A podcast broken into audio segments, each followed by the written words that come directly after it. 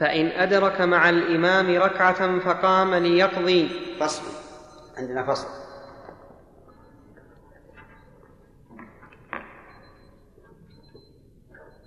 فصل. فإن أدرك مع الإمام ركعة فقام ليقضي. فذكر أنه لم يسجد إلا سجدة واحدة أو شك في إحدى السجدتين. لزمه أن يرجع إن لم يكن شرع في قراءة الثانية. فيأتي, فيأتي بما ترك فيأتي بما ترك ثم يقضي ثم يقضي ركعة أخرى ويتمها جمعة ويتمها جمعة نص عليه. وإن ذكر بعد شروعه في قراءة الثانية بطلت الأولى وصارت الثانية أولاه ويتمه ويتمها جمعة على المنصوص. وفيه وجه آخر أنه لا تحصل له الجمعة لأنه لم يدرك مع الإمام ركعة كاملة. وهكذا لو قضى الثانية ثم علم أنه نسي سجدة لا يدري من أيهما تركها. أو شك في ذلك فإنه يجعلها من الأولى وتصير الثانية أولاه فأما إن شك في إدراك الركوع مع الإمام لم يعتد له بالركعة التي مع الإمام وتصير ظهرا قولا واحدا.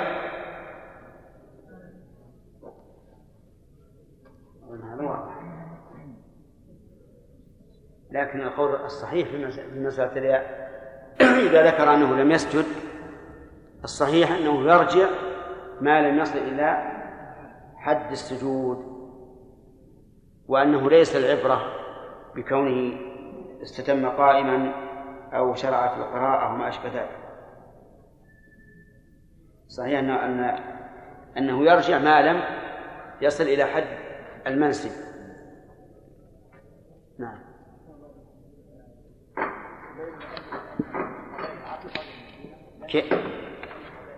نعم.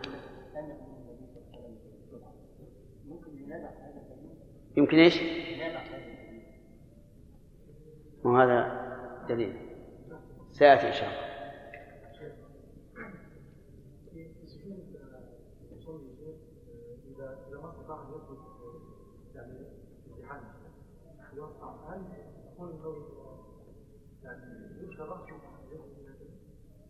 شلون يدخل رأسه من جسده؟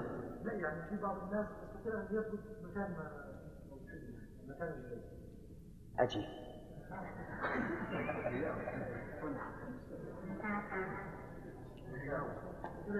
ها؟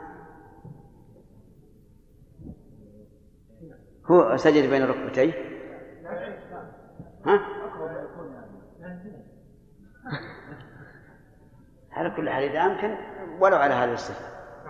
إذا أمكن ولو على هذه الصفة.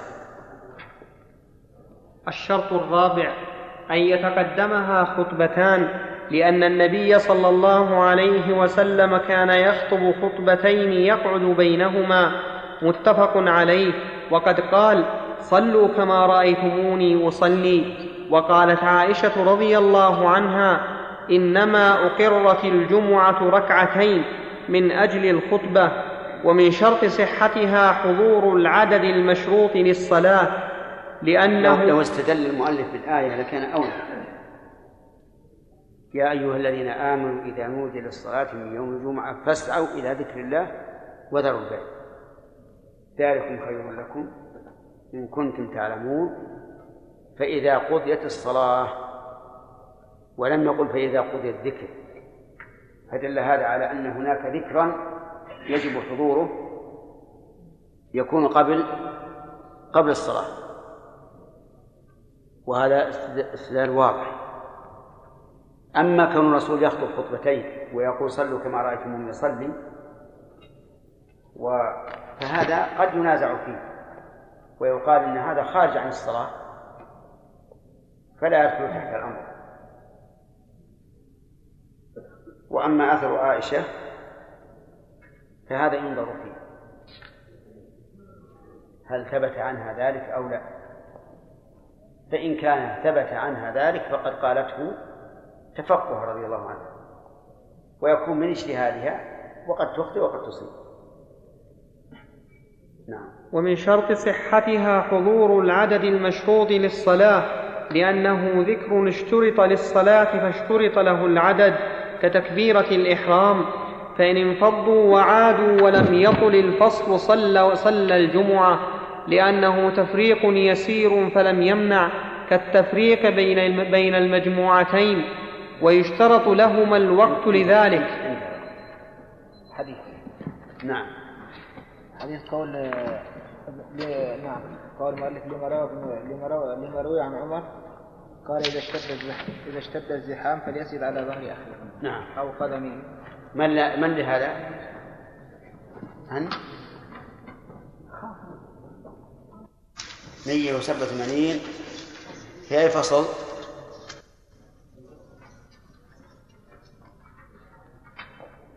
نعم. بسم الله الرحمن الرحيم. الحمد لله رب العالمين. وصلى الله وسلم وبارك على عبده ورسوله نبينا محمد وعلى آله وصحبه أجمعين.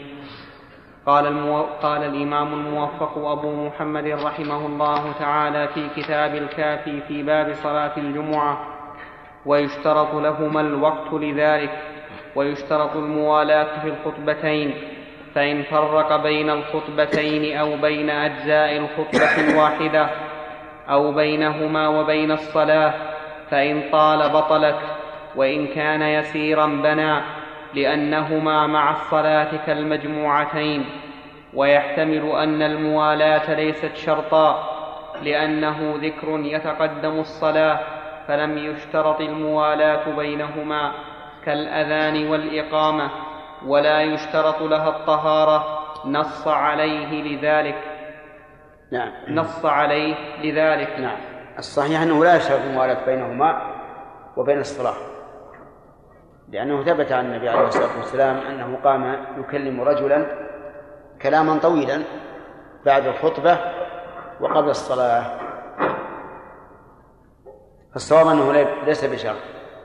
أما الموالاة بين الخطبة الواحدة أي بين أجزائها فالظاهر أنه أنها شرط. وأما الموالاة بين الخطبتين فالسنة إنما جاءت بفصل يسير بينهما. أي نعم. ولأنها لو شرطت لاشترط است... ولا يشترط ولا يشترط ولا ولا, ولا يشترط أين؟ ولا يشترط لهم الطهارة.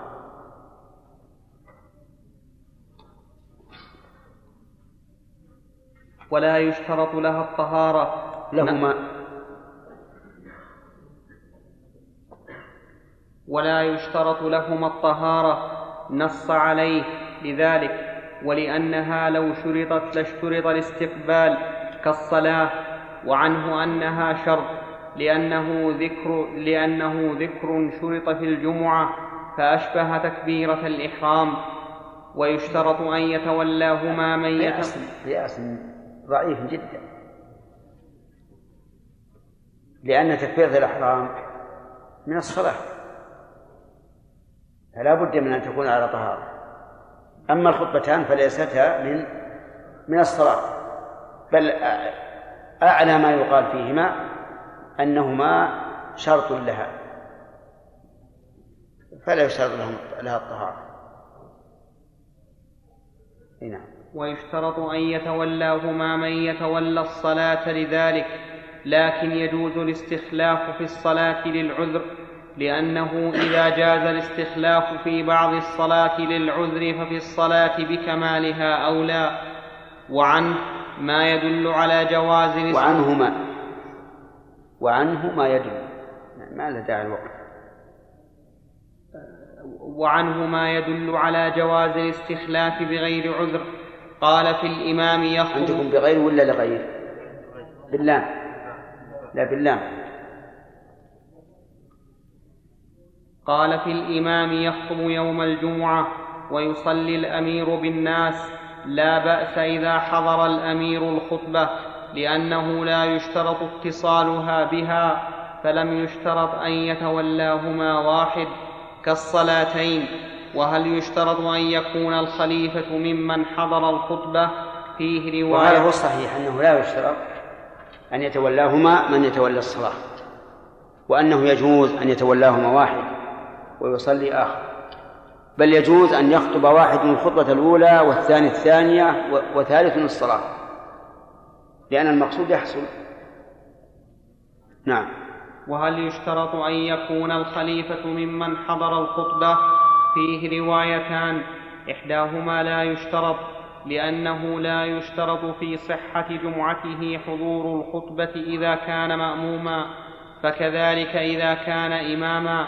والثانية يشترط لأنه إمام فاشترط حضوره للخطبة كما لو لم يس كما لو لم كما لو لم يستخلف. يستخلف. يستخلف. والظاهر الظاهر أنه ع- عدم الاشتراط ظاهر عدم الاشتراط نعم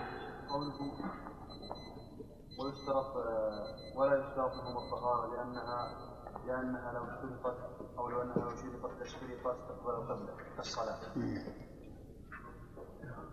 هذا منتقد في آه، قراءة ال- المسألة المصحف. مم. يشترط له الطهارة ولا يشترط الطهارة؟ أحيانا تكون القياسات قياسات شبه ما هي صحيحة. كما ذكر قبل قليل أن تشبه تكبر الإحرام. والفرق ظاهر. لكن لو قال إنه لأنه لم يثبت عن النبي صلى الله عليه وسلم اشتراط الطهارة لهما لكفى لأن الأصل عدم الشرط. سليم. ها؟ استخلف يعني أقام أقام من يكمل بهم الصلاة. الاستخلاف يعني أن يجعل له خليفة يكمل الصلاة بالناس نعم. فؤاد.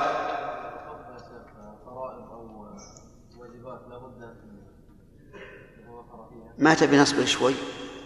ما ما ترى أنك تصبر شوي.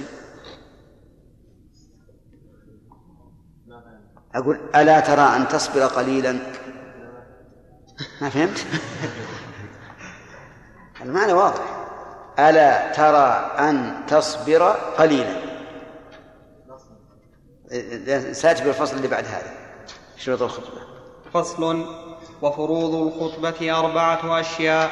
حمد الله تعالى لأن جابرا قال كان رسول الله صلى الله عليه وسلم يخطب الناس يحمد الله ويثني عليه بما هو أهله.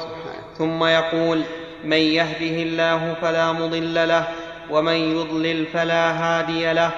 والثاني الصلاة على رسول الله صلى الله عليه وسلم لأن كل عبادة افتقرت إلى ذكر الله تعالى افتقرت إلى ذكر رسوله كالأذان.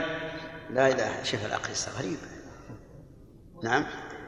هل كل عبادة افتقرت إلى ذكر الله تفتقر إلى ذكر الرسول؟ لا. أبدا. الذبح. ها؟ الذبح. الذبح والوضوء. أشياء كثيرة. لكن التسبيح في الصلاة بعد الصلاة التكبير في العيدين. لكن جاء جاءوا بشبه. هذا يسمونه قياس, قياس الشبه. وهي أن يتردد فرع بين أصلين فيلحق بأكثرهما شبها. وهذا القياس الذي ذكر ما يصح. لأن أكثر أك- الأكثر أن لا يجب ذكر الرسول مع ذكر الله. نعم. الثالث الموعظة. كيف؟ من؟ وهي. أي حديث؟ أي حديث؟ قوله نحن الله وإذن على النبي صلى الله عليه وسلم ويخطب الناس نحن الله وإذن رحمه الله إيه. من رواه؟ لا مو عندنا هذا. بدل ما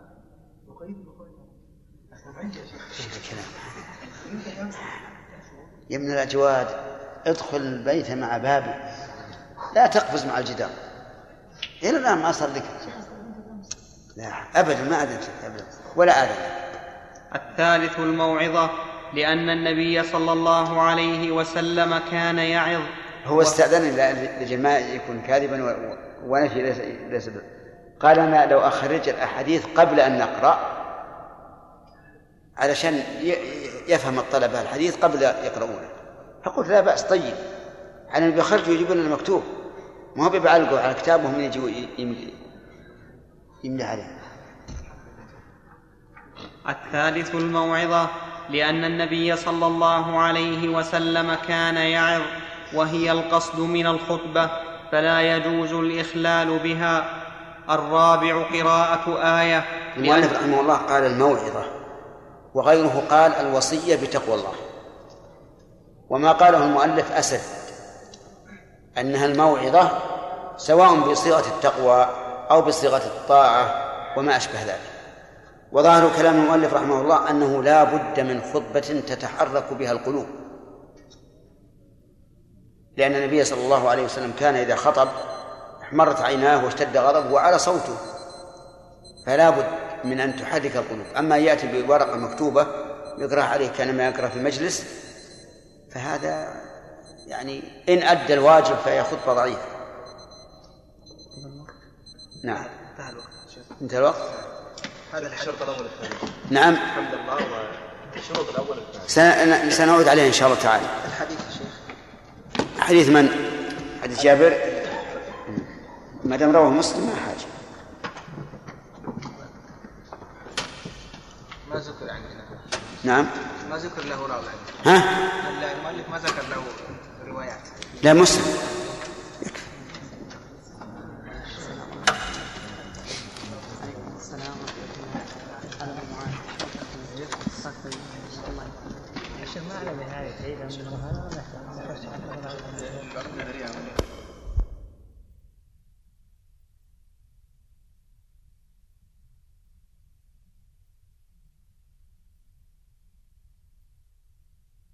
والصلاة والسلام على نبينا محمد صلى الله عليه وسلم. وصحبه أجمعين.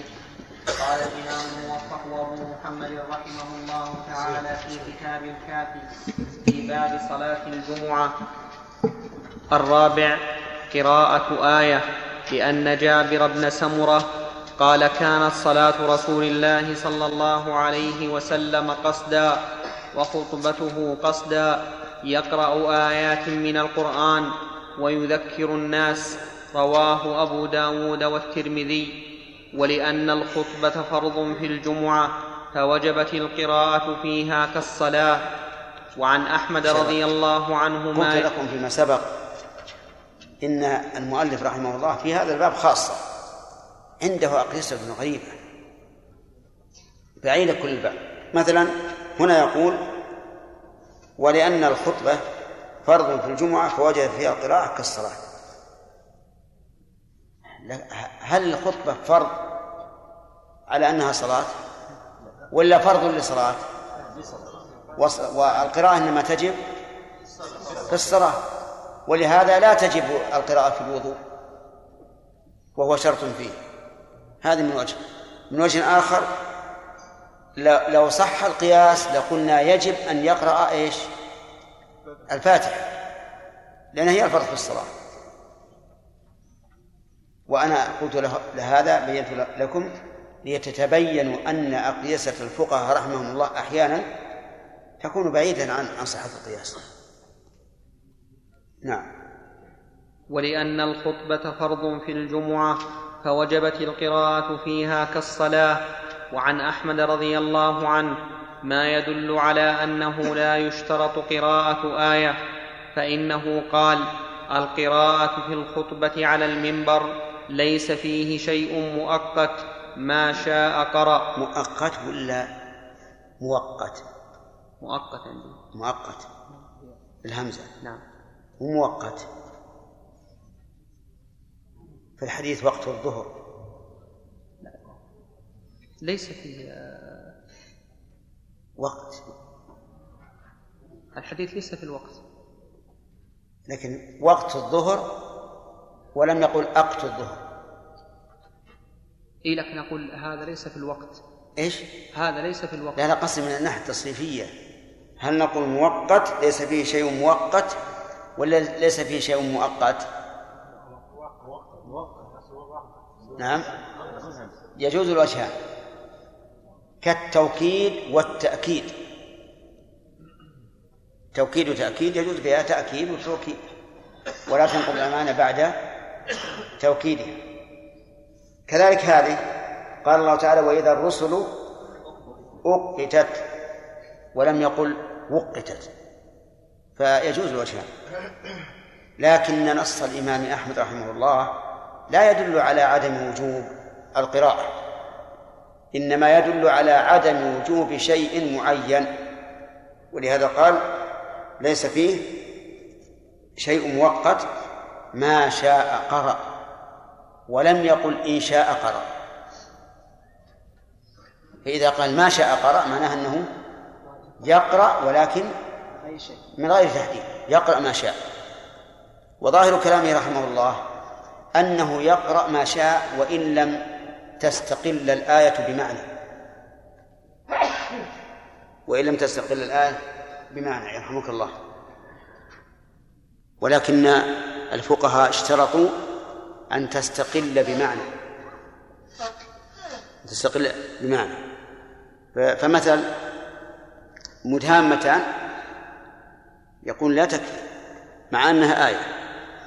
ثم نظر لا تكفي لأنها مع أنها آية لأنها لا تستقل بمعنى.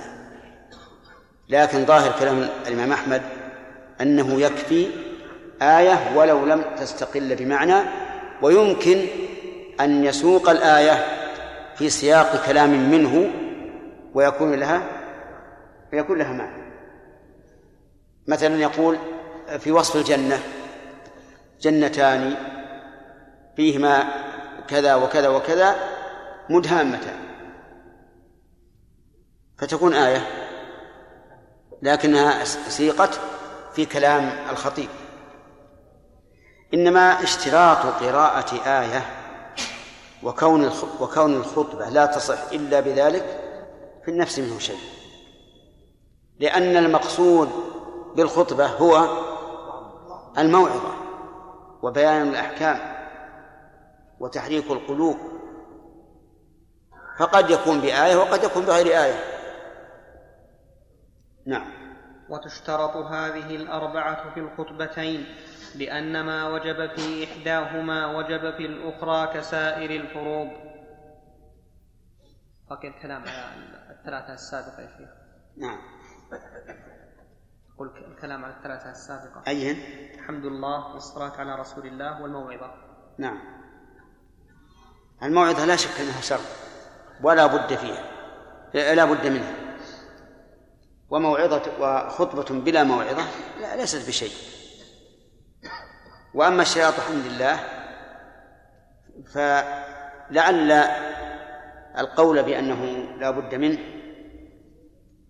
يؤيده أن النبي صلى الله عليه وعلى آله وسلم كان إذا خطب حمد الله وأثنى عليه. كلما ذكر الناس أنه خطب يقول حمد الله وأثنى عليه. فملازمة النبي صلى الله عليه وعلى آله وسلم للحمد والثناء يدل على أنه لا بد منه. ثم إن الخطبة إذا إذا لم تبدأ بالحمد كانت بترا لا بركة فيها. فالقول بإشراط الحمد قول قوي لكن لا يشترط له لا يشترط له صيغة معينة بأن تقول الحمد لله بل لو قلت أحمد الله وأستعينه أو أحمد الله وأثني عليه أو اللهم لك الحمد كفى. وأما الصلاة على النبي صلى الله عليه وعلى آله وسلم فلا يظهر أنها شر. وقد سبق أن التعليل الذي ذكره المؤلف اشتراطها تعليل عليل. فالصواب أنه أن الصلاة على النبي صلى الله عليه وعلى آله وسلم ليست بشر. نعم.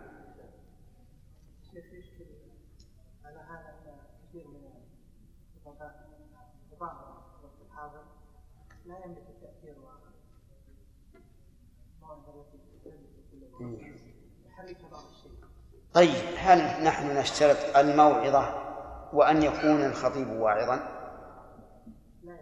طيب. أين حتى وإن لم يكن واعظا. قد يكون الكلام موعظة لا شك. لكن إلقاؤه ببرودة وعدم حماس وكأنه يقرأ أمام قوم جالسين صحيح أنه لا يحرك القلوب. لا ما يفوت المدخل سوف سوف ينتفع به بعض الناس. سليم.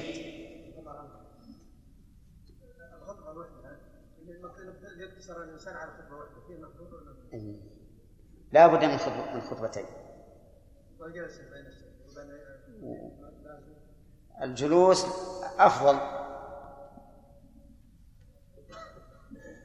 وإن بقي قائما فلا بد أن يأتي بما يدل على أنه افتتح الخطبة الثانية. لئلا يظن أنه سكت لمانع من الكلام ثم استمر. نعم. فصل وسننها ثلاث عشرة أن يخطب على منبر أو موضع عال لأن النبي صلى الله عليه وسلم كان يخطب على منبره ولأنه أبلغ في الإعلام. نعم. التعليل الثاني يدل على أنه كلما كان الشيء أبلغ في الإعلام كان أولى. وعلى هذا فاستعمال مكبر الصوت في خطبة الجمعة أولى من عدم استعماله. وقد كان عنده أول ما خرج كان هناك آه، نزاع بين الناس. هل يجوز أو لا يجوز؟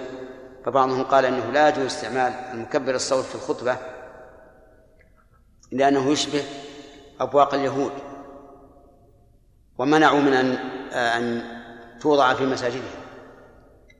وهكذا كل شيء يخرج جديدا على الناس تجد الناس يتنازعون فيه ثم يستقر الأمر على ما فيه الخير. فالصواب أن استعمال مكبر الصوت من الأمور المطلوبة لأنه أبلغ في الإعلام وقد قال النبي صلى الله عليه وسلم لعبد الله بن زيد بن عبد ربه الذي رأى الأذان قال له ألقه على بلال فإنه أندى صوتا منه. وأمر عمه العباس بن عبد المطلب في غزوة الطائف أن أن ينادي الصحابة الذين أدبروا لأنه كان جهوري الصوت. فدل هذا على أن ما قصد به الإعلام كان كلما ارتفع الصوت فيه فهو أولى. طيب فإذا قال قائل إذن ما فائدة كونه على منبر أو موضع عال نقول الفائدة عظيمة وهي المشاهدة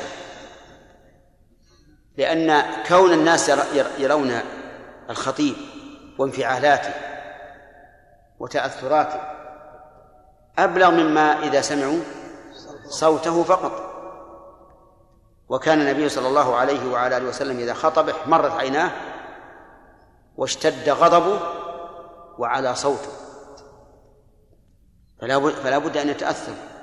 وهذا لا لا يحصل إلا إذا كان على موضع نار ولهذا إذا جاءت نسخة من حال الخطيب قولية أو مرئية لم يكن تأثيرها كتأثير الخطيب حين يشاهد. أليس كذلك عبد الله بن عوض؟ نعم. وكم الساعة؟ إيه؟ لا أصبر لا لا تعلم لكن ظننت أنك تراجع الساعة في يديك. إيه طيب. دقيقة الآن يخطب الخطيب أمام الناس. خطبة يتأثر الناس منها كثيرا. فإذا سمعوها مسجلة في في الشريط لم لم يتأثروا بهذاك التأثر. بل قد يقول القائل هل هذه الخطبة التي سمعناها من فلان؟ لعلها خطبة كانت قديمة لأنه لم يتأثر.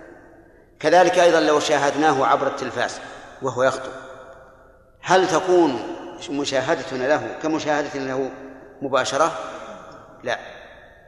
ولهذا نقول يسن أن يكون على موضع عال ليراه الناس. هنا ولكن ما رأيكم في قوم حاضرين يشاهدون الخطيب؟ لكن بأعينهم.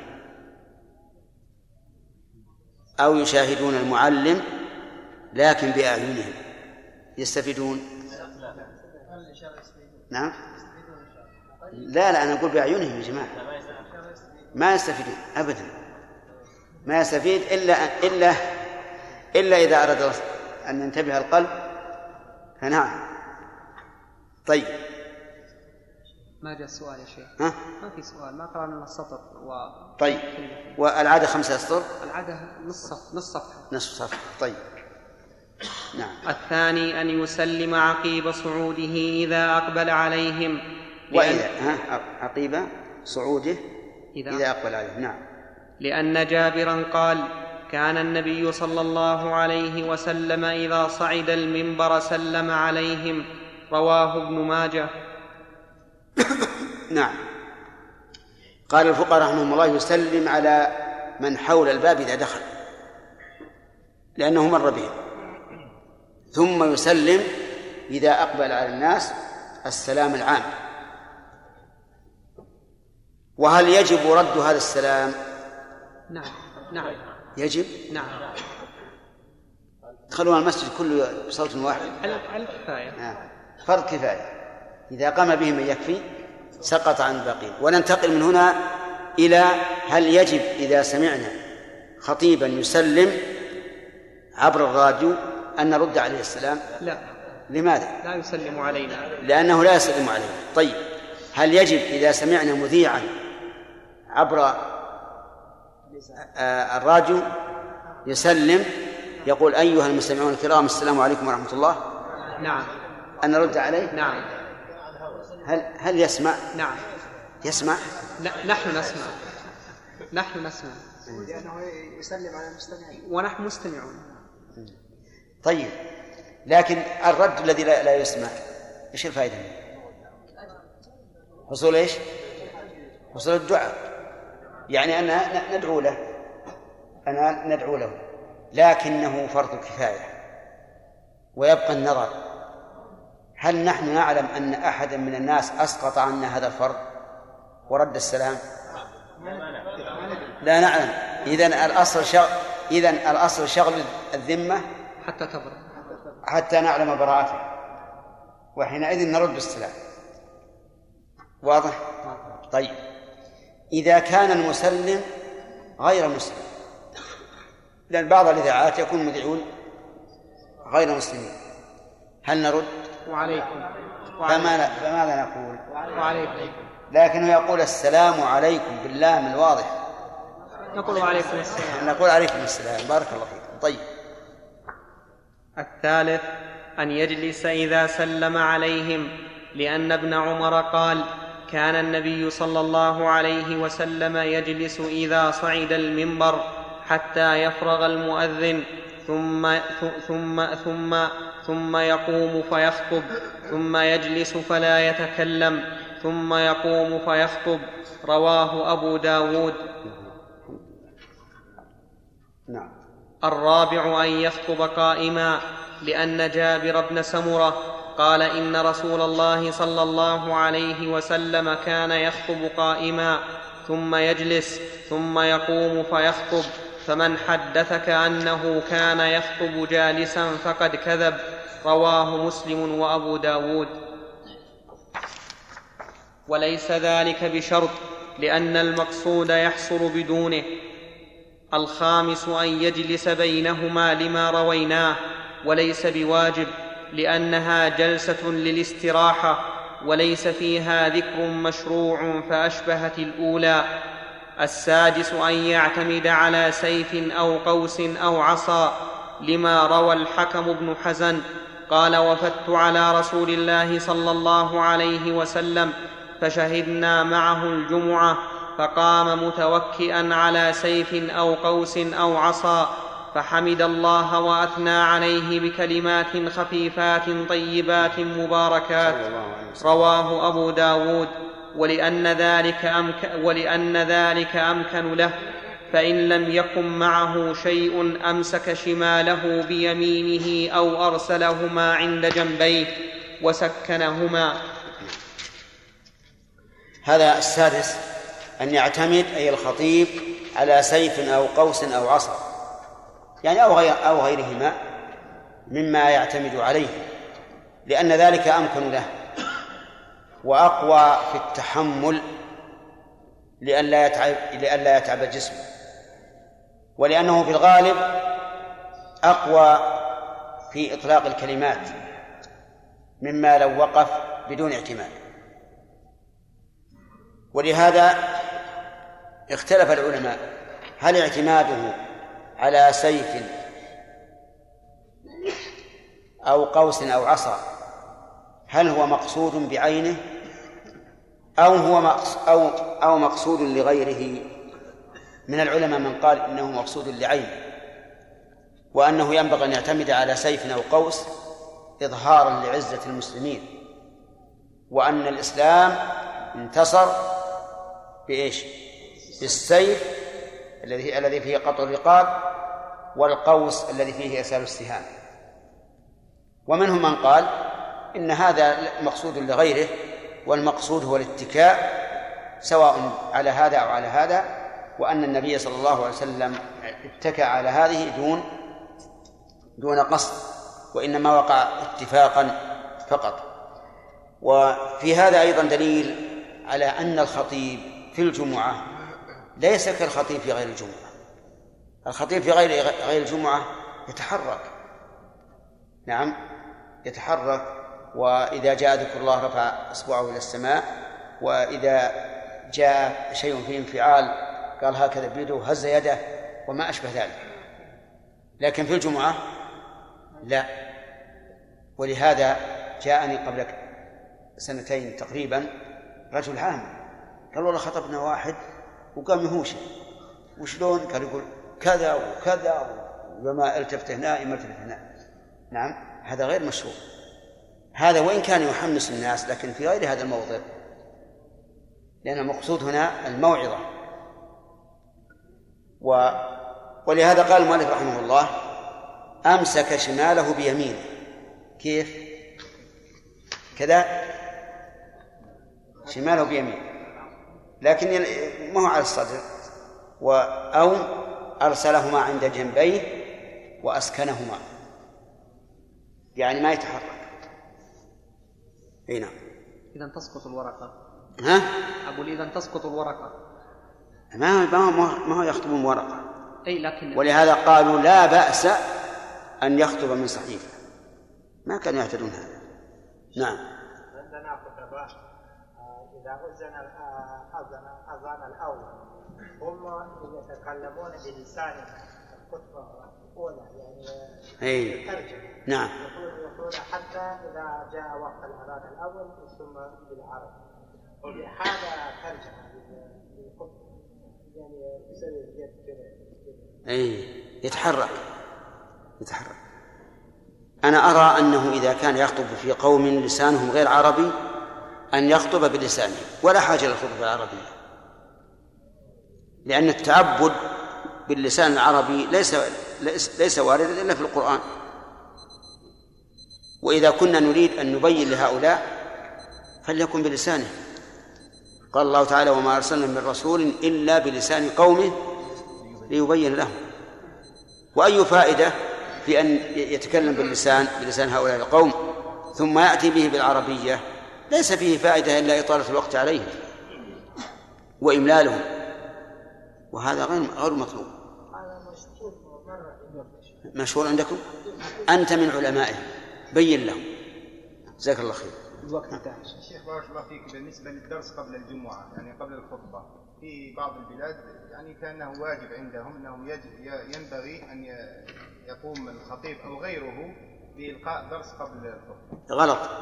هذا غلط. بدعة بدعة. تذهب فائدة السنة. لأنه إن كان في موضوع الخطبة أصبر. إن كان في موضوع الخطبة فلا فائدة منه. وإن كان في غير موضوع الخطبة صار حديث الناس والتهوا به عن عن الخطبة. فضاعت الفائدة. الثالث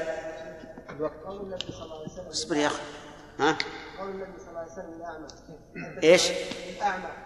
قول النبي صلى الله عليه وسلم للأعمى هل تسمع النداء؟ قال نعم. قال فأجب لا لك رخصة هل نقول ذلك لمن يسمعه بالكبر الصوت. لا. هذا يقاس فيما لو أذن المؤذن من غير من, من غير مكبر الصوت. كما كما أن العكس كذلك.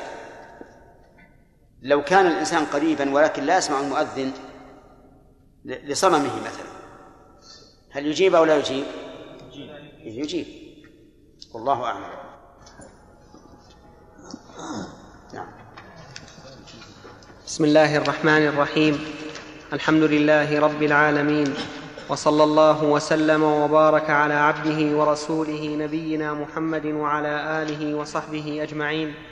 قال الإمام الموفق أبو محمد رحمه الله تعالى في كتاب الكافي. في باب صلاة الجمعة. السابع أن يقصد تلقاء وجهه لأن في التفاته إلى أحد جانبيه اعراضا عمن في الجانب الآخر.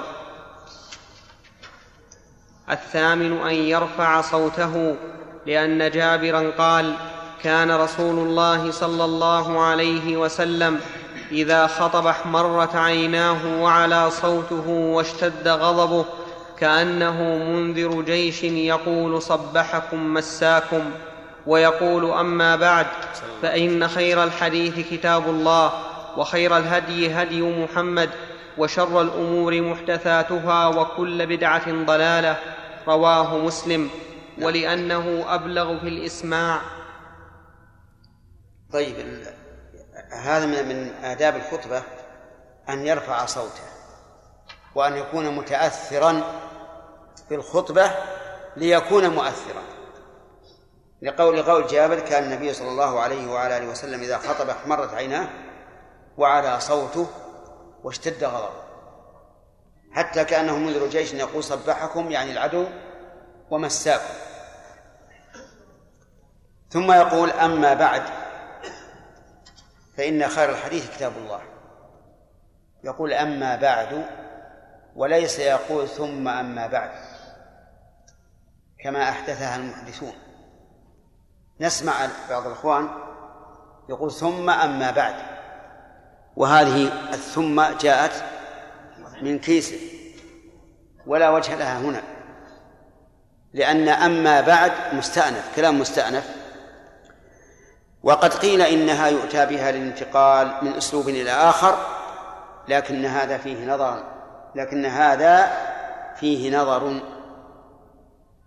لأنه لو كان يؤتى بها من أسلوب إلى آخر لكان يأتي بها كلما أتى بموضوع ولكنه يؤتى بها للدخول إلى موضوع الخطبة أو الكلام. هذا هو الصحيح. يتابع للدخول في الموضوع. وقوله أما بعد مبنيها على الضم لحذف المضاف إليه ونية معناه. فإن خير الحديث كتاب الله لا شك. فكتاب الله حديث وهو خير الحديث. خيره من كل وجه خيرية مطلقة. وخير الهدي يعني السلوك والمنهج هدي محمد صلى الله عليه وعلى آله وسلم. فصار عندنا الآن شريعة. وعندنا ما يحصل به الشريعة. الكتاب تحصل به الشريعة والشريعة منهاج رسول الله صلى الله عليه وعلى آله وسلم. فالكتاب خير الحديث كتاب الله. وفي هذا الحديث دليل على أن القرآن يسمى حديثا. وقد قال الله تعالى ومن أصدق من الله حديثا. وخير هدي هدي محمد وشر وشر الأمور محدثاتها. شر الأمور جمع أمر والمراد به أمور الدين. أما أمور الدنيا فالحادث فيها ليس ببدعة شرعية. وقوله وكل بدعة ضلالة. كل بدعة يعني كل محدثة ضلالة لأن البدعة هي ما ابتدع وأحدث. ضلالة حتى وإن زعم صاحبها أنه على هدى وأنه يريد الخير فإنها ضلالة لا تزيده من الله إلا بعدا. فإن قال قائل كيف نجمع بين هذا الحديث الذي يعلنه الرسول صلى الله عليه وعلى آله وسلم في الخطبة وبين قوله صلى الله عليه وسلم من سن في الإسلام سنة حسنة فله أجرها وأجر من عمل بها إلى يوم القيامة. قلنا إن الحمد لله أن ما صح عن رسول الله صلى الله عليه وسلم لا يمكن أن يقع فيه تناقض وإنما التناقض في الفهم. فالبدعة التي أرادها الرسول عليه الصلاة والسلام هي بدعة الدين أن يأتي الإنسان بدين لم يشرع. سواء كان عقيدة أو قولا أو فعلا والسنة التي قال فيها رسول الله صلى الله عليه وسلم من سن في الإسلام سنة حسنة المراد بها الفعل. فعل يعني تنفيذ السنة بدليل أن النبي صلى الله عليه وعلى آله وسلم قالها حينما جاء الرجل بصرة أثقلت يده بعد أن حث النبي صلى الله عليه وعلى آله وسلم على الصدقة. فإن هذا سن العمل بهذه السنة فكان أول الناس والناس له تبع. أو يقال المراد بالسنة ما كان وسيلة لأمر مشروع. كسنة تنقيط المصحف وإعرابه وجمعه وبناء المدارس وما أشبه ذلك. هذه لا شك أنها سنة حسنة وإن كان لم يوجد أصلها في عهد النبي صلى الله عليه وعلى آله وسلم. وبذلك تلتئم الأدلة. هنا يقول إن خير الحديث كتاب الله. ونسمع إخواننا بعضهم يقول فإن أصدق الحديث كتاب الله. فإن صحت هذه الجملة بهذا اللفظ عن الرسول عليه الصلاة والسلام فعلى العين والرأس. وإن لم تصح فإنه قد بخس الحديث حقه. لأن الخيرية خيرية مطلقة في الصدق في الخبر والعدل في الحكم وإصلاح المنهج وغير ذلك. والصدق إنما يكون وصفا ليش؟ للكلام فقط. وليس لكل الكلام بل للخبر من الكلام. فيقيد هذا مع الذي يخرج لأجل يحوي لنا الروايات الواردة في ذلك إن كانت قد وردت فإن أصدق الحديث. نعم. التاسع أن يكون نعم. إن أحسن أقرب إلى قوله إن خير. التاسع أن يكون في خطبته مترسلا معربا. مبينا من غير عجلة ولا تمطيط لأنه أبلغ وأحسن. صحيح. هذا لا شك أنه من المستحب. إذا ترسل الخطبة وصار أيضا أحيانا يفعل ما يوجب الانتباه بأن يزيد في قوة الصوت أو ما أشبه ذلك فهذا أيضا من الأمور المطلوبة. نعم. العاشر تقصير اقرأ اقرأ اقرأ اقرأ يا خالد. العاشر أولا يا عبد الله. العاشر تقصير الخطبة لما روى عمار قال سمعت رسول الله صلى الله عليه وسلم يقول إن طول صلاة الرجل وقصر خطبته مبنية من فقهه. مئنة مئنة من فقهه.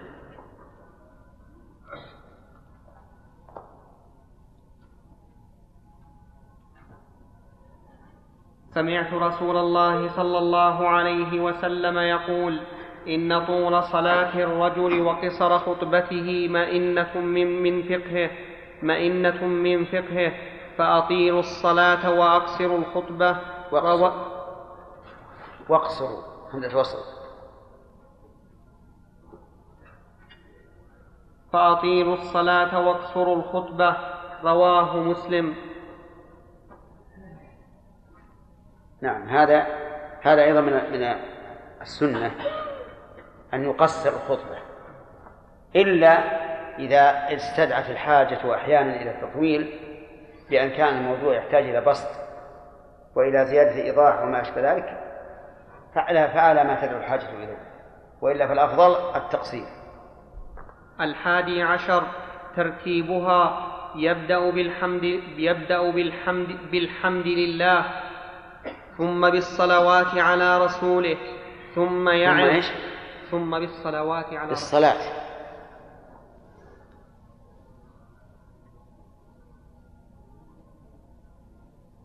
ثم بالصلاة على رسوله ثم يعظ لأنه أحسن.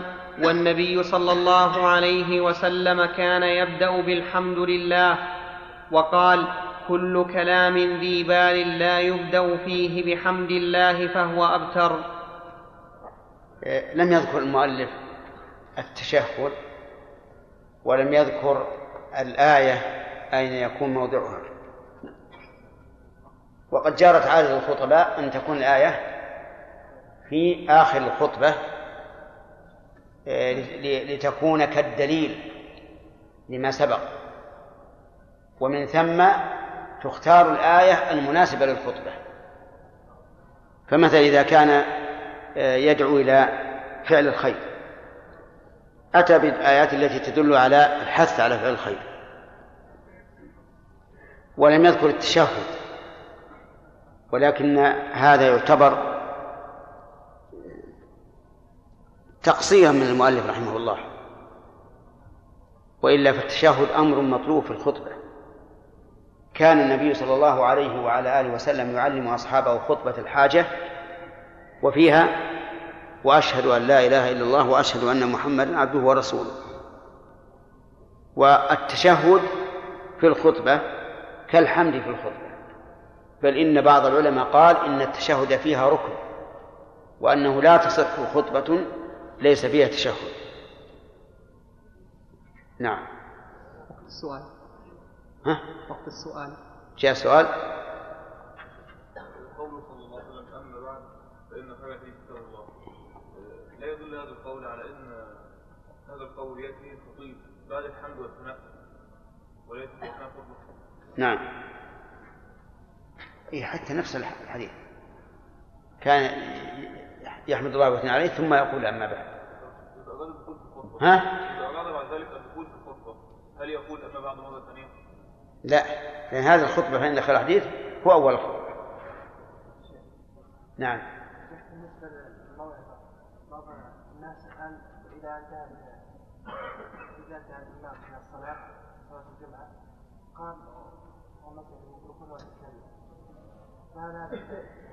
جائز؟ هذا بارك الله فيك. إذا كان ممنوعا من قبل ولاة الأمور فالواجب السمع والطاعة. وإذا لم يكن ممنوعا فتركه أولى. حتى إن الإمام أحمد قال لا يستمع إليه إلا أن يكون كتابا من السلطان. ولأن هذه الموعظة إما أن تكون في موضوع الخطبة فلا داعي لها. وربما يكون فيها شيء من لمز الخطيب وأنه لم يوفي بالمقصود. وإن كانت خارجة عن موضوع الخطبة مسحت موضوع الخطبة من أفهام الناس. وصار الذي في أذهانهم ما قيل بعد الصلاة فلهذا فيها ضرر. كما أن فيها ضررا أيضا من وجه آخر وهي أن بعض الناس قد يكون له حاجة في الخروج من المسجد لكنه يخجل من أن يقوم أمام الناس فتجده محصورا متعبا في مدافعة الأخبتين ولكنه لا يستطيع أن يخرج أمام الناس لسبب من الأسباب. ثم يقال إنها إذا بقيت هذه الكلمة راتبة كل جمعة صارت الجمعة لها ثلاث خطب خطبتان قبلها وخطبتان بعدها وهذا تغيير للهيئة والصفة التي جاءت فيها السنة. منصور. إيش؟ إيش؟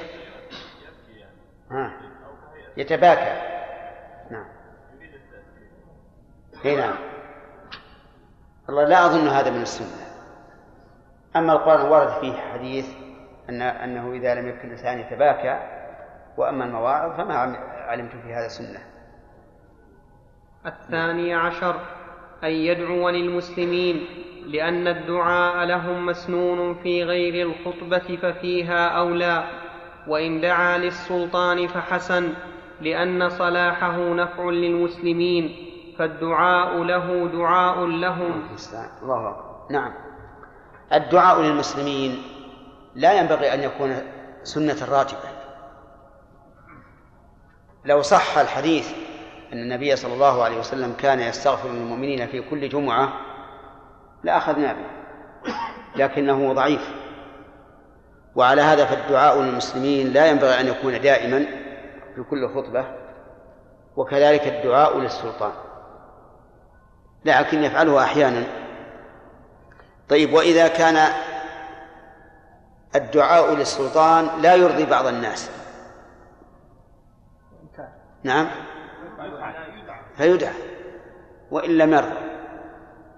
لأن بعض الناس نسأل الله العافية إذا رأى من السلطان انحرافا قال لا تدعوا له ادعوا عليه بأن الله يهلكه وهذا غلط. ادعو له بالهداية لأن الدعاء له كما قال المؤلف دعاء للمسلمين عموما إذ بصلاحه صلاح الرعية غالبا. نعم. الثالث عشر أن يؤذن لها إذا جلس أن يؤذن لها إذا جلس الإمام على المنبر لأن الله تعالى قال إذا نودي للصلاة من يوم الجمعة يعني الأذان قال السائب كان النداء يوم الجمعة إذا جلس الإمام على المنبر على عهد رسول الله صلى الله عليه وسلم وأبي بكر وعمر. فلما كان عثمان وكثر الناس زاد النداء الثالث رواه البخاري. وهذا النداء الأوسط هو الذي يتعلق به وجوب السعي وتحريم البيع لأنه الذي كان مشروعا حين نزول الآية فتعلقت الأحكام به. ويسن الأذان الأول في أول الوقت لأن عثمان سنه وعملت به الأمة بعده. وهو مشروع للإعلام بالوقت والثاني للإعلام بالخطبة والإقامة للإعلام بقيام الصلاة. الله. قول رحمه الله يسن الأذان الأول في أول الوقت أول الوقت عند الحنابلة في صلاة الجمعة عند ارتفاع الشمس قيد رمح وعلى هذا فيكون مشروع في أذان الأول يوم الجمعة أن يكون بعد ارتفاع الشمس بمقدار رمح. لكن هذا الأذان في هذا الوقت لكن الأذان في هذا الوقت لا يفيد كثيرا لأنه لن لن يستجيب إلا النادر. ولهذا وكذلك آه، على العكس من ذلك من لا يؤذن الأذان الأول إلا إذا دخل إلا إذا زالت الشمس إلا إذا زالت الشمس. ثم بعد دقيقتين أو ثلاثا أو ثلاث يأتي الإمام ويؤذن الأذان الثاني. هذا لا قيمة له في الواقع. فأحسن ما يكون أن يكون قبل الوقت بساعة أو نحوها أي قبل الزوال بساعة أو نحوها حتى يتهيأ الناس للحضور إذا أذن الأذان الثاني. طيب وقوله وكثر الناس زاد النداء الثالث كيف النداء الثالث؟ نعم الإقامة حسبت لأنها تعتبر نداء لكنها حسبت تبعا. وهذا الذي ظنه بعض الناس أي أنه يؤذن عند دخول الوقت الذي هو الزوال ثم يحضر الإمام فيؤذن مرة ثانية يشبه ما روي. في أذان بلال وابن أم مكتوم في في رمضان. أنه ليس بينهما إلا أن ينزل هذا ويصعد هذا. فإن هذه رواية شاذة ولا تستقيم. وذلك لقول النبي صلى الله عليه وسلم في أذان بلال ليرجع قائمكم ويوقظ نائمكم. وإذا كان لإيقاظ النائم حتى يتسحر ولإرجاع القائم حتى يتسحر فهل يمكن أن يحصل هذا وليس بينهما إلا أن ينزل هذا ويصعد هذا؟ لا. يمكن. ولذلك لا شك أن بين أذانيهما وقتا يتسع للسحور أو للسحور على الأصح. هل الشيخ أن يدعو للإمام يطال الله سلطته ولو كان فيه منكرات له بالهداية نعم. لا يدعو الله تعالى أن يطيل عمره في طاعته. ولكن إذا إذا قال اللهم اهدي الإمام أحسن. لأن الناس قد لا يت- يتفطنون لقوله عمر أطل عمره في طاعته أو قد يظن هذا ال- الداعي يحاب الإمام وليس له هم إلا أن يطول عمر الإمام. لكن إذا دعا له بالهداية والتوفيق وصلاح البطانة والاستقامة فهذا أحسن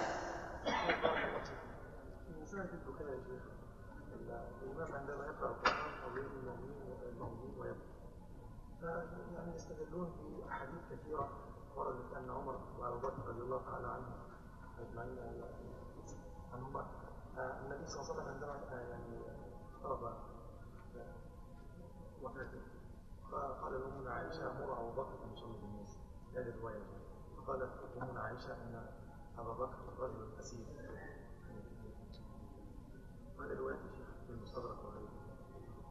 فيعني هم في روايات كثيرة يستدل بها بعض العلماء يقولون أن الصحابة رضي الله تعالى عنهم كان يقول حتى أن بعضهم كان يبكي لا يسمع لا لا, لا يعلم كيف يعني ما يعلم منهم القراءة. بالنسبة للبكاء نعم. وش عرفت من هذا؟ ما الغرض من إيراد هذا؟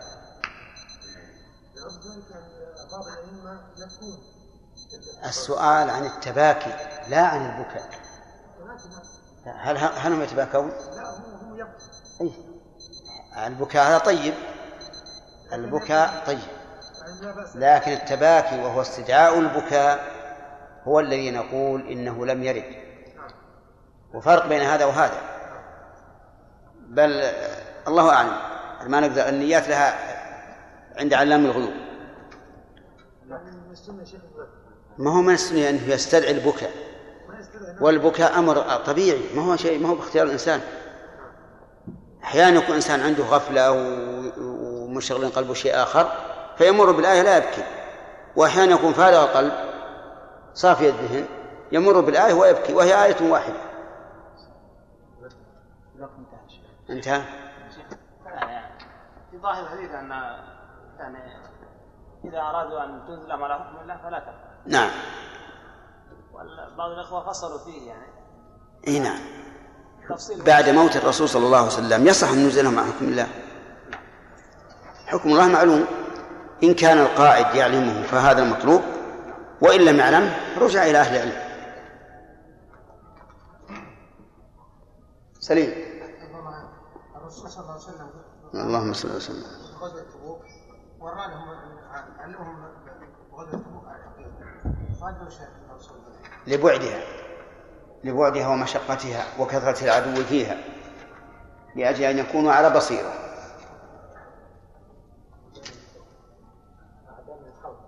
فقه.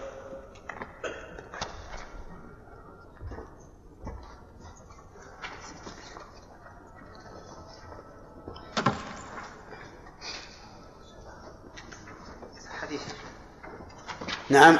حديث. وجد له 18 طريق. ما شاء الله. حتى الآن من البحث. ابحث. ابحث. وهذا ال 18 إذا كانت صحيحة أو حسنة يكفي. ما هو لازم طيب يكون شغل الحديث اللي عندي يكون يا شيخ ما هو عند أحمد لا ظني الجمع عند أحمد خف يضيع منه. لا أقول يعني موجود الكلام عليه. إيه الآن طيب ما يخ- ما في معنى. اللي عندي فقط. ها؟ اللي عندي أنا. إيه اللي عندك أنت طيب. هذه 213 صفحة 213 في أي باب أو فصل صلاة الجمعة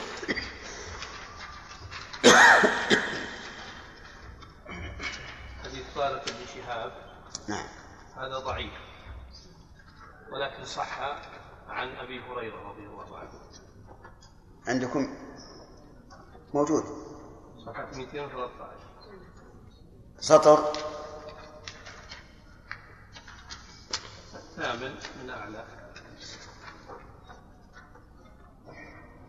يلا يا إخوان 213 ثامن من أعلى. حديث طارق بن شهاب. أول باب صلاة الجمعة. نعم. هو ضعيف نعم. وصح من من حديث أبي هريرة. بهذا اللفظ؟ بهذا اللفظ. طيب. صح مرفوع مرفوعا نعم. نعم. نعم. اي نعم. اي هو أبو داود ما ما يروح حديث ضعيف.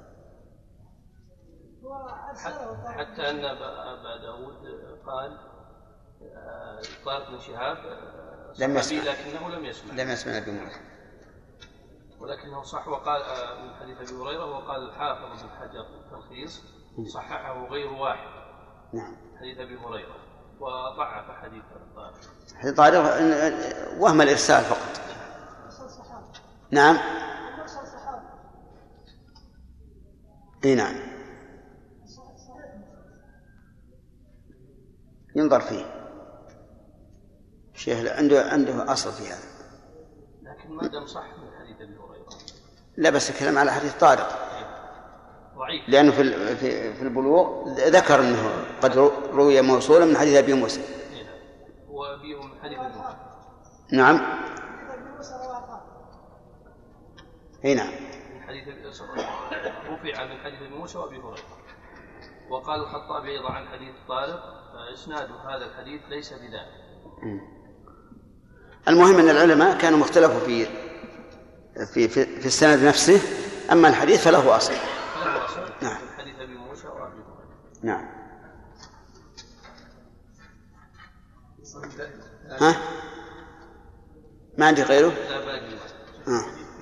نكتب نعم. كيف؟ نفس الحديث إلا على أربعة؟ يقول أو امرأة أو مسافر صحنا. كمان صح. صححنا مملوك. الحديث الآخر من أدرك الصلاة مع الإمام ها؟ فقد أدرك الصلاة. من؟ الحديث الآخر.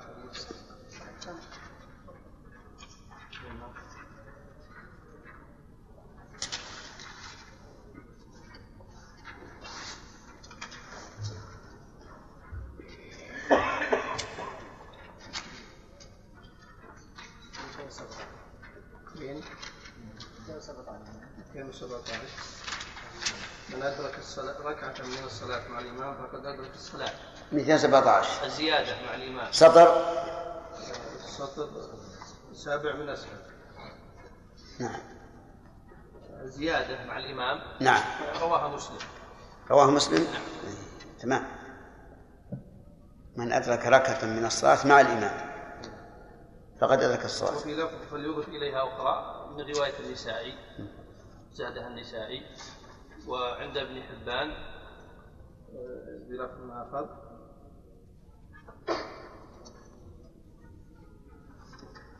فليتم ما بقي. نعم.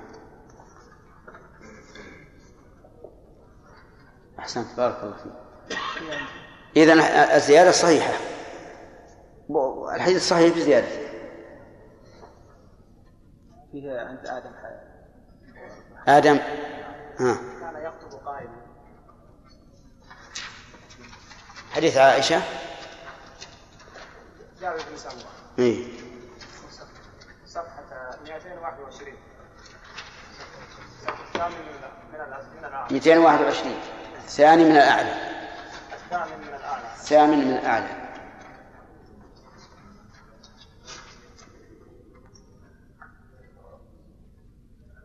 يلا. حديث جابر بن سمرة كان صلى الله عليه وسلم يخطب قائما ثم يجلس ثم يقوم فيخطب فمن نبأك أنه كان يخطب جالسا فقد كذب. صحيح رواه مسلم بهذا مسلم بهذا اللفظ. وأيضا رواه البخاري والنسائي والدارمي. ولفظهما يخطب وهو قائم وكان يفصل بينهما بجلوس. ورواه أحمد وابن ماجه والبيهقي من طرق عن عبيد الله النافع عن ابن عمر. أحسنت بارك الله رواه مسلم ها؟ شرط ان لا نخرج. عندنا رواه مسلم. لا عندنا ما في ما في عندنا رواه مسلم إي بعض النسخ من فيه اول فصل الستر ثاني بعد. نعم. طيب. خلاص؟ عندك؟ ما هي؟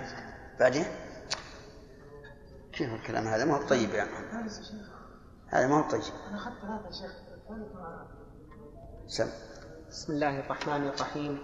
الحمد لله رب العالمين وصلى الله وسلم وبارك على عبده ورسوله نبينا محمد وعلى آله وصحبه أجمعين. قال الإمام الموفق أبو محمد رحمه الله تعالى في كتاب الكافي في باب صلاة الجمعة فصل ولا يشترط للجمعة إذن الإمام لأن عليا رضي الله عنه صلى بالناس وعثمان رضي الله عنه محصور. ولأنها من فرائض الأعيان فلم يعتبر لها إذن الإمام. كالظهر كالظهر قال أحمد وقعت الفتنة بالشام تسع سنين فكانوا يجمعون. لكن إن أمكن استئذانه فهو أكمل وأفضل. استئذانه. لكن إن أمكن استئذانه فهو أكمل وأفضل. وعنه أنه شرط. أنها.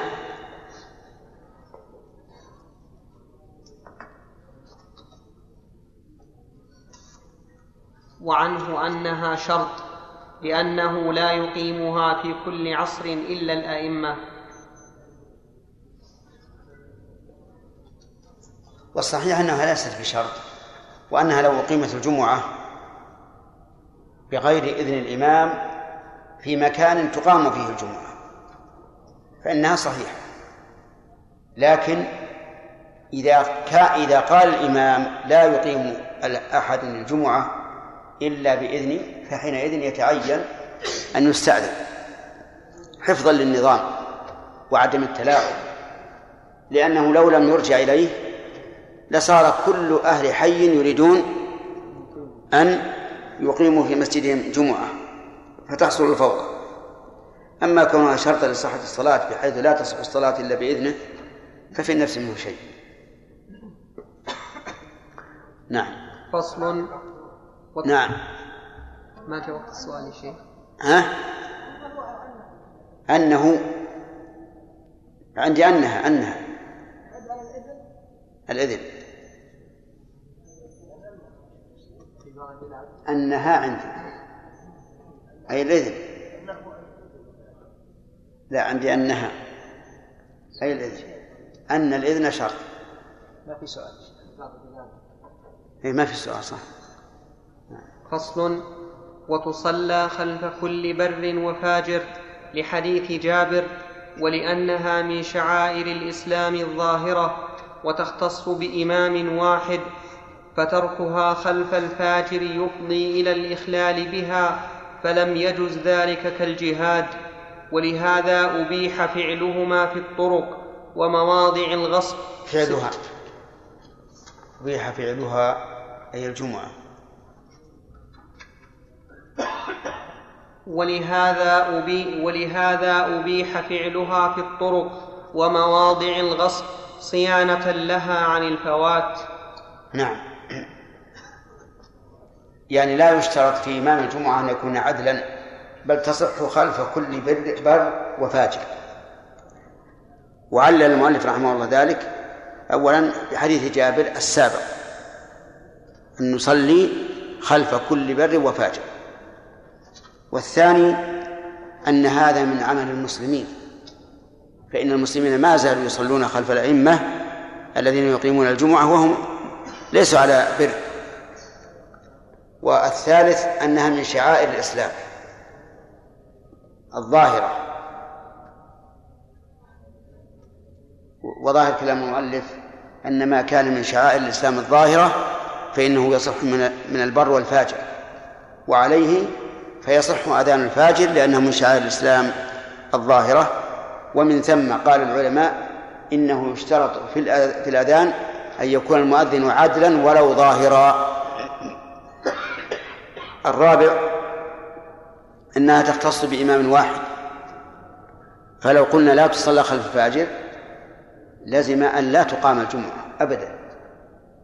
إذا كان الإمام فاجرا. نعم. وعلى الخامس آه، أنه لا. أنه لا أنه يباح فعلها في الطرق ومواضع الغصب صيانة لها. هذه ما ما الحكم نعم. عبد الله؟ يقول يقولون إن أنه بعد عشرة أصل. جاء ها؟ جاء. ها؟ جاء السؤال جائز؟ أقول جاء جاء وقت السؤال إيش؟ وقت السؤال جاء جاء؟ طيب يلا يا عبد الله وين؟ هل عندنا الحين؟ القرى جزاكم الله خير لا تشوشون علينا إيش؟ زادوا ما نعم كلهم إيه؟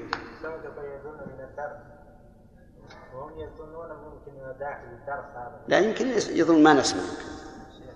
نعم. يا جماعة يا قراء لا ترفعوا أصواتكم بارك الله فيكم. وإذا كان يشق عليكم عدم الرفع تقدموا في مقدم المسجد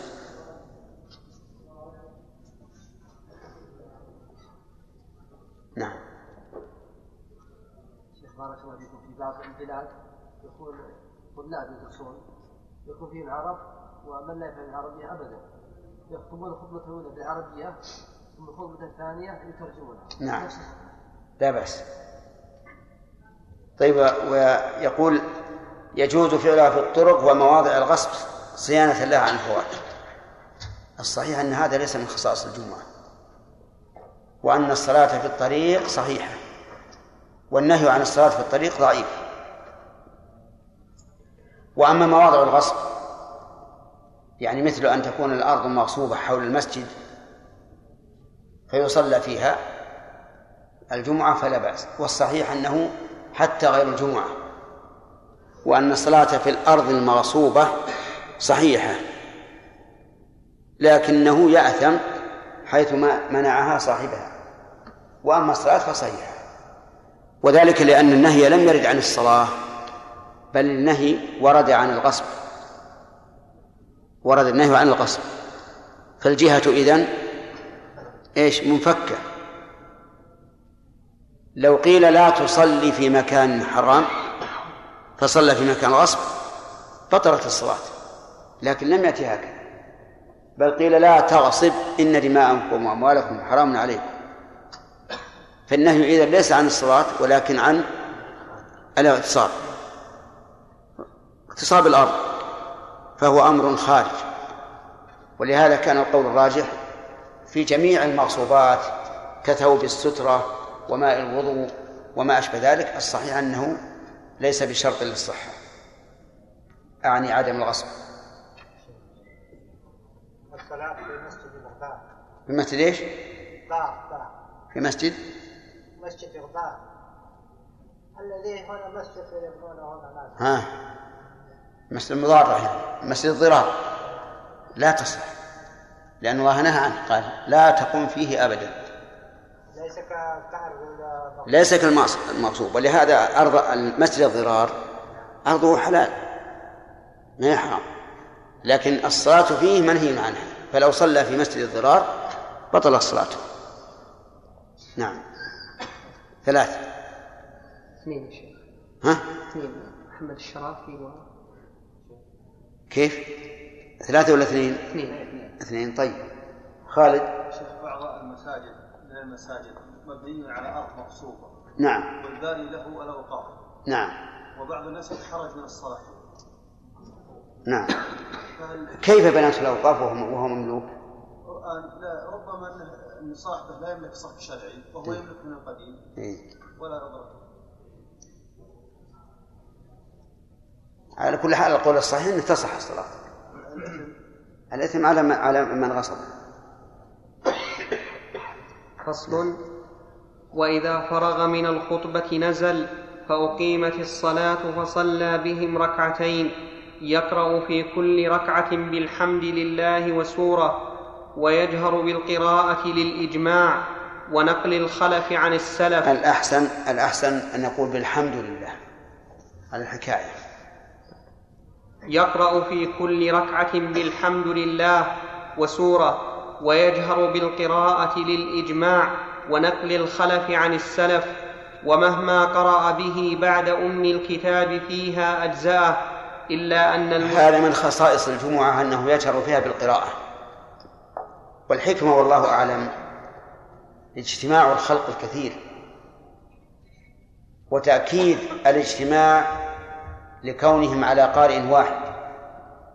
ولهذا يسن الجهر بالقراءة النهارية في الجمعة وفي العيد وفي الكسوف وفي الاستسقاء لأنها كلها صلوات يجتمع فيها الناس.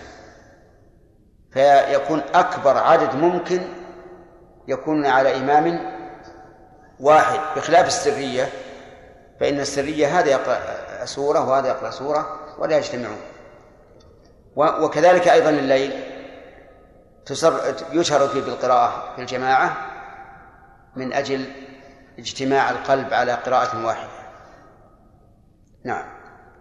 ومهما قرأ به بعد أم الكتاب فيها أجزأه إلا أن المستحب أن يقرأ فيها بالجمعة والمنافقين أو بسبح والغاشية لما روى أبو هريرة رضي الله عنه قال سمعت رسول الله صلى الله عليه وسلم يقرأ بسورة الجمعة والمنافقين في الجمعة وعن النعمان بن بشير قال كان رسول الله صلى الله عليه وسلم يقرأ في العيدين والجمعة بسبح اسم ربك الأعلى وهل أتاك حديث الغاشية؟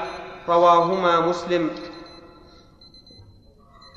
فصل ومتى أمكن الغنى بجمعة واحدة لم في ومتى أمكن الغنى بجمعة واحدة في المصر؟ لم يجز أكثر منها لأن النبي صلى الله عليه وسلم وخلفاءه لم يقيموا إلا جمعة واحدة. وإن احتيج إلى أكثر إلى أكثر منها جاز لأنها تفعل في الأمصار العظيمة في جوامع من غير نكير فصار إجماعا ولأنها صلاة عيد فجاز فعلها في موضعين مع الحاجة كغيرها وإن استغنى بجمعتين لم تجد طيب. الثالثة اولا المؤلف رحمه الله استدل على جواز التعدد الحاجة في فعل المسلمين بفعل المسلمين. فإن المسلمين منذ القرن الثالث يصلون عدة جمع. و أخذ الناس ذلك صاغرا عن كابر وهذه حجة. الثاني قال ولأنها صلاة عيد.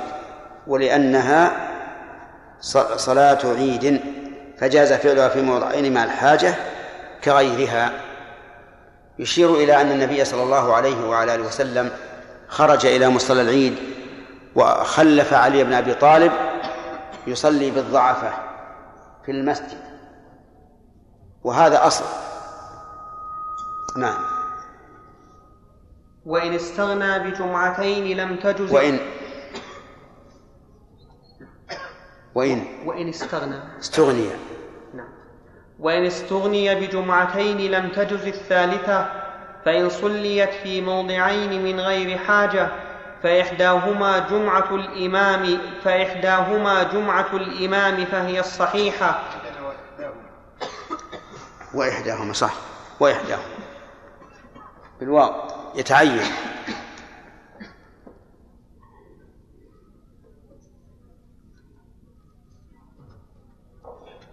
فإن صليت في موضعين من غير حاجة وإحداهما جمعة الإمام فهي الصحيحة ويحتمل أن السابقة هي الصحيحة لأنه لم يتقدمها ما يفسدها وبعد صحتها لا يفسدها ما بعدها والأول أولى لأن في تصحيح غير جمعة الإمام افتئاتا عليه وتبطيلا لجمعته. ومتى أراد أربعون نفسا إفساد صلاة الإمام والناس والناس. نعم والناس.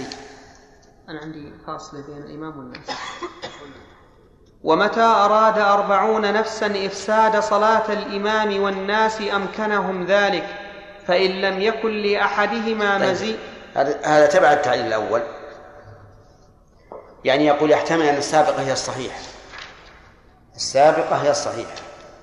ولكن بماذا يكون السبق؟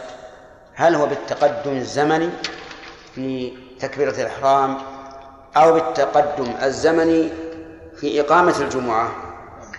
الصحيح الثاني والمذهب الأول. لكن يقول الشيخ رحمه الله إن الأول هو الصحيح. الأول أولى وعلل ذلك. قال لأن في تصحيح غير جمعة الإمام افتياتا عليه وتبطيلا لجمعته. ومتى أراد؟ يعني هذا تبع التعليم ومتى أراد أربعون نفسا إفساد صلاة الإمام والناس أمكنهم ذلك؟ بماذا يصنعون؟ ماذا يصنعون؟ يسبقون بالصلاة. يجتمع ناس مثلا في في مسجد حي من الأحياء ويقول الإمام مثلا والجماعة الآن يصلون في الجامع الكبير. كل أهل البلد إلا القليل. تعالوا إحنا أربعين نفر نبي نصلي الجمعة في مسجدنا ونبي نسبق جمعة الإمام. علشان إيش؟ تكون صلاة الإمام والناس كلهم صلاة باطلة. وهذا تعليل جيد لأن بعض أهل الشر يفعلون هذا. وما دام الصحيحة هي السابقة بالإحرام تعال. فإذا صلوا جمعتهم خطب الخطيب وصلوا الجمعة وذهبوا إلى المسجد الكبير اللي فيه الإمام نادوا بأعلى أصواتهم أيها الناس إن جمعتكم باطلة. نعم لأنكم مسبوقون مسبوقون. وهذا ربما يقع. على كل حال الصحيح أنه, أنه ما باشرها الإمام أو أذن فيه. فإن تساوى فإن تساوت في الإذن أو عدمه فالسابقة. ويأتي إن شاء الله بقية الكلام على هذا. حديث وش عندنا؟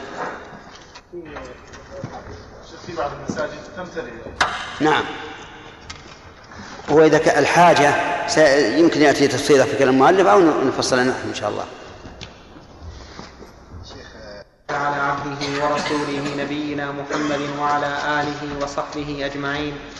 قال الإمام الموفق أبو محمد رحمه الله تعالى في كتاب الكافي في باب صلاة الجمعة ومتى أراد أربعون نفسا إفساد صلاة إفساد صلاة الإمام والناس أمكنهم ذلك؟ فإن ومتى؟ ومتى أراد أربعون نفسا إفساد صلاة الإمام والناس أمكنهم ذلك؟ فإن لم يكن لأحدهما مزية فالسابقة هي الصحيحة لما ذكرنا وتفسد الثانية وإن فإن لم, فإن لم يكن؟ فإن لم يكن لأحدهما مزية. لإحداهما.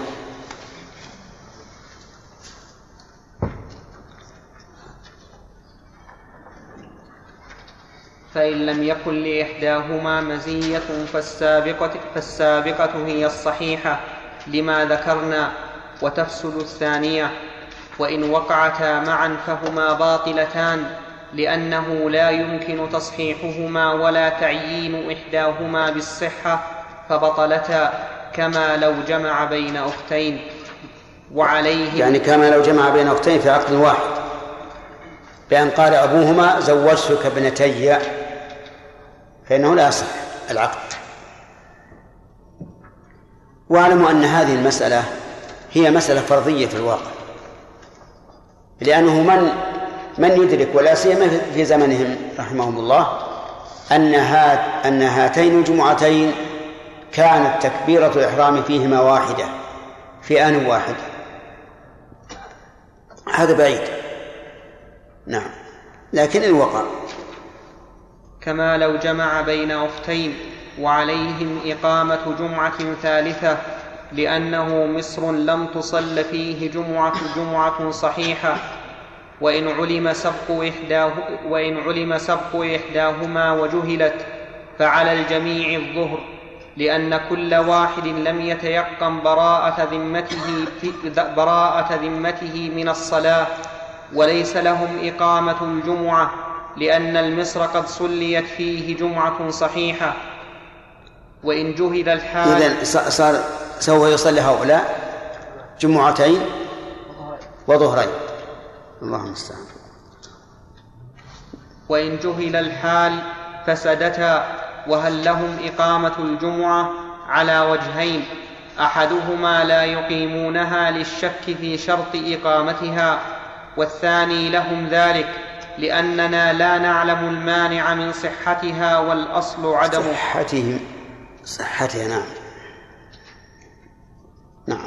وذكر القاضي وجها في إقامتها مع العلم بسبق إحداهما لأنه لما تعذر تصحيح إحداهما بعينها صارت كالمعدومة. ولو أحرم بالجمعة فعلم أنها قد أقيمت في مكان آخر لم يكن له إتمامها. وهل والصحيح في هذه المسائل أنه إذا أقيمت بالفعل فإن الإنسان يتحرى المسجد الأول. الذي تقام فيه الجمعة فيصلي فيه. فإذا امتلأ صلى فيما أقيمت فيه الجمعة بعده. وذلك لأن الضرر إنما كان في الزائد فالأول الذي وضع أولا هو هو مسجد الجمعة. فيحرص الإنسان فيحرص الإنسان على أن يصلي فيه. فإن فإن امتلأ ففي ففي المسجد الذي كان بعده فإن امتلأ ففي الثالث. وإن شق عليه أو كان لا يعلم فيصلي في أي مسجد وتصح الصلاة. أما أن نلزم العامة بإعادة الصلاة ونقول صلاتكم باطلة فهذا فيه مشقة على الناس تندفع بتيسير هذا هذا هذا الإسلام. نعم. ولو أحرم بالجمعة فعلم أنها قد أقيمت في مكان آخر لم يكن له إتمامها وهل يبني عليها ظهرا أو يستأنفها على وجهين؟ أصح أصحهما استئنافها لأن ما مضى منها لم يكن جائزا له فعله ويعتبر السبق بالإحرام لأنه متى أحرم بإحداهما حرم الإحرام بالأخرى للغنى عنها.